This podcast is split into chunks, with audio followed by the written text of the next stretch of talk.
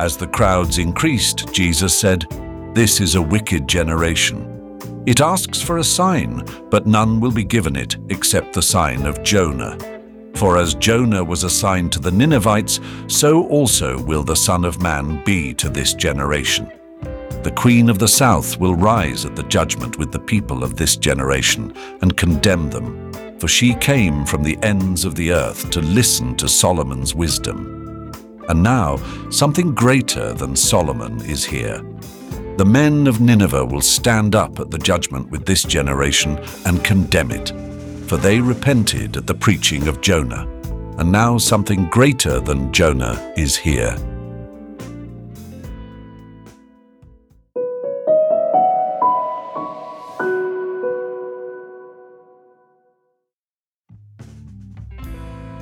Do you ever get the feeling that nowadays many people seem to revolve around novelties, gossip, and media spectacles of vanity? Because I often catch myself arriving at such pessimistic conclusions. Meanwhile, my heart still yearns for something authentic and true, striving to rise above what today's civilization is pressing into us.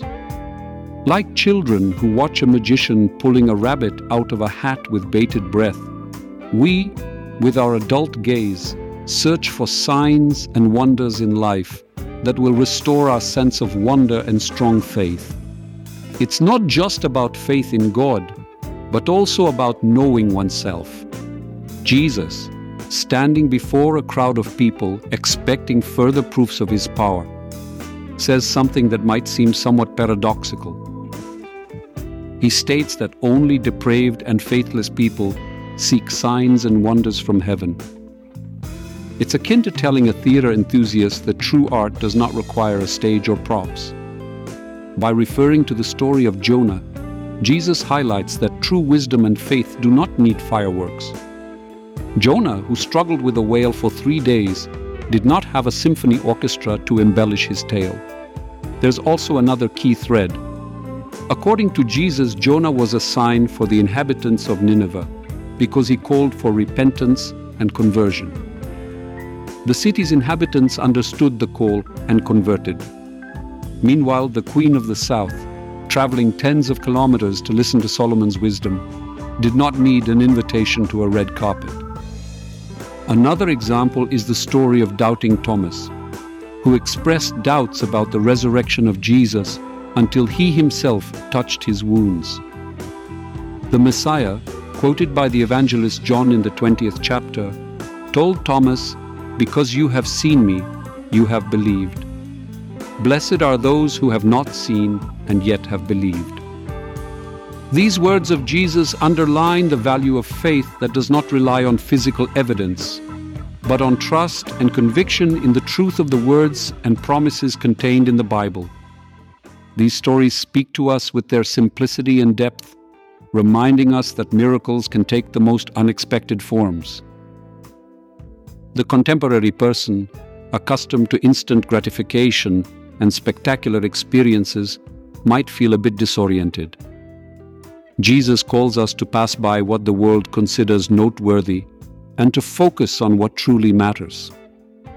He tells us that we do not need royal processions or grand gestures to experience true wisdom and love.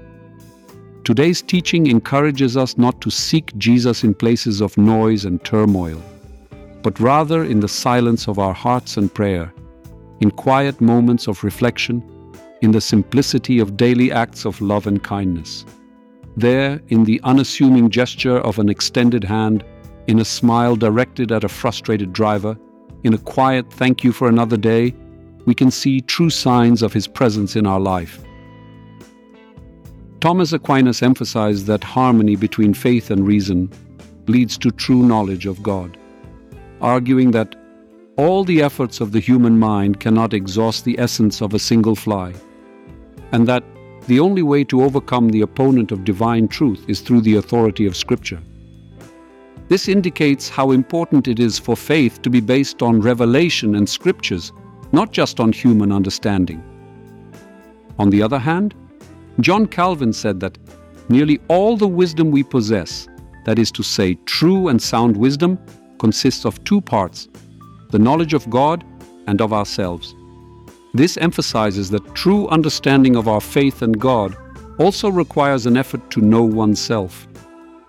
Let these thoughts inspire us to deeper faith and trust that God's presence in our life is a continuous miracle that we do not need to constantly confirm through material evidence.